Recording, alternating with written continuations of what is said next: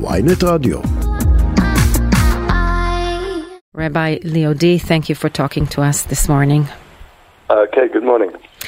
Um, how did you feel when they asked you to read the Yizkor at the torch lighting ceremony, Tekes HaMasuot?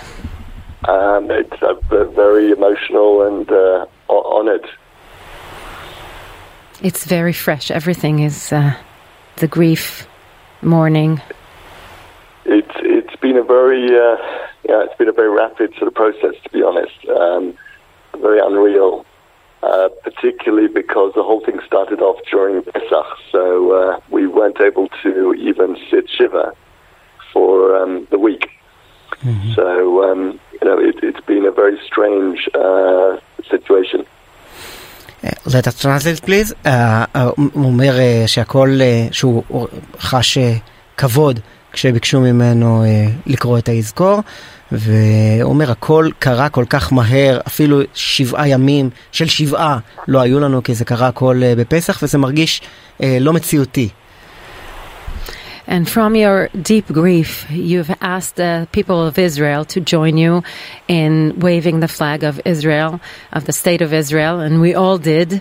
Uh, Do you feel these days you have a particular role in trying to make us all feel a little bit together in this very sad and happy day?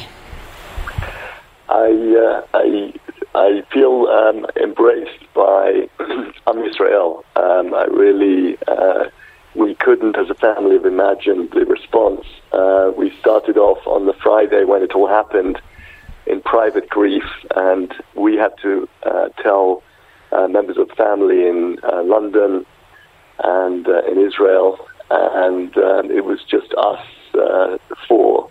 Um, in fact, three of us in the car, and Karen, who was in Jerusalem at the time. And very rapidly, it seemed to expand to the whole of Israel and then to the whole world. And uh, I think that has been a tremendous comfort to us. And if Am Israel can re- respond in that way to our small family, then clearly you know, we are one big family. And you had chance to focus on this private grief since then? Not really, not really, because um, it, it's really been taken. You know, the whole the whole thing has taken off uh, very rapidly. Um, I um, was always inspired by Viktor Frankl, who uh, wrote in his book *Man's Search for Meaning* um, that uh, the, those who survived the Holocaust were the ones who had a purpose. And so um, I think um, my conversation with my kids has been if we're going to survive our Holocaust, then we all have to have a purpose at this point because if we don't, um, we are going to get lost very quickly. Let us translate please again.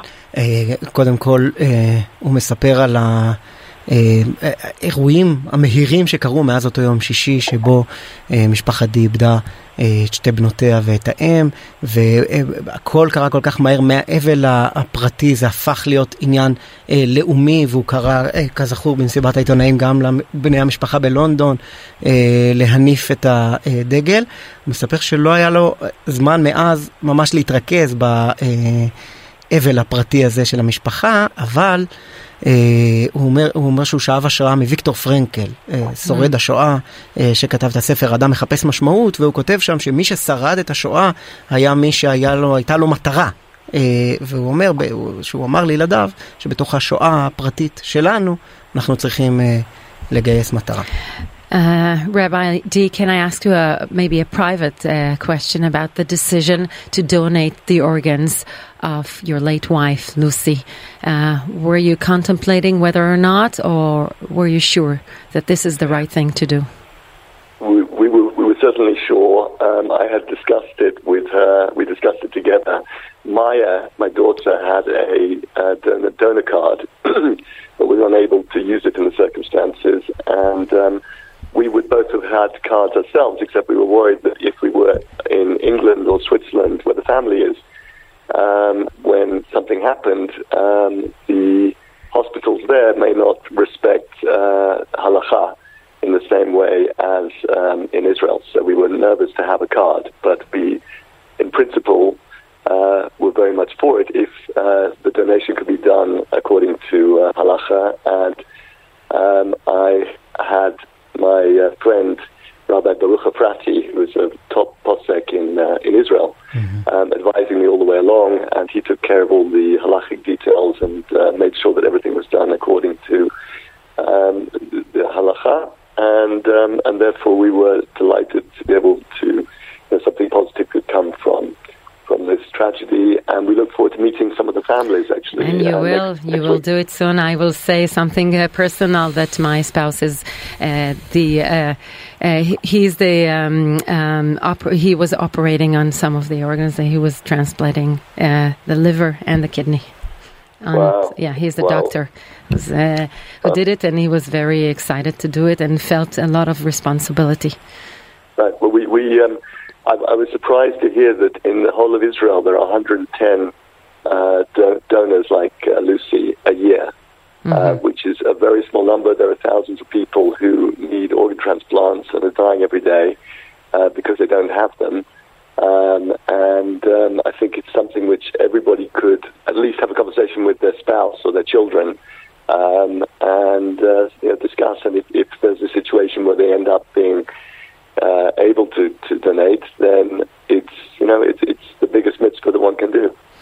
אני אתרגם, אה, שאלתי אותו שאלה אישית לגבי ההחלטה לתרום את איבריה של אה, לוסי רעייתו המנוחה, אה, והיה לו ברור, הוא טוען שמאיה בתו החזיקה כרטיס אדי, כרטיס תרומת איברים, אך לצערה בגלל נסיבות המוות הם לא יכלו לתרום את האיברים שלה, לכן היה להם ברור. היה לה גם איזשהו חשש בעבר שאם הם יהיו בחו"ל ו- ו- ו- ו- ומשהו יקרה, אז שהשלטונות אולי באנגליה או בשוויץ לא יכבדו את זה, ו- ולא כך קרה. שזה לא לפי ההלכה, כן, לא ו- לפי ופה ההלכה. בארץ הוא- הם היו יכולים לתרום את האיברים של לוסי בזכות נכון, ה... וקיבלו גם את היתר הרב. שסידר את העניין הזה, את ההיתר ההלכתי. אני סיפרתי לו באופן אישי שבן הזוג שלי הוא זה שניתח והשתיל את האיברים, והוא אמר שהופתע לדעת שבישראל אה, לא, אין מספיק תרומת איברים, אה, ו- ולוסי הייתה אחת ממאה ומשהו שתרמו במותם, אה, המשפחה תרמה במותם את איבריהם, וזה מאוד מרגש וזה מאוד חשוב.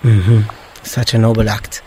Rabbi Leodi, thank you very much and condolences from all of us. Uh, I, I appreciate that. Thank you, and thank you for uh, for speaking to me this morning. It, it, we we just one other thing. We are uh, operating three uh, projects and three projects in Efrat uh, in memory of Lucy and Maya and Rina.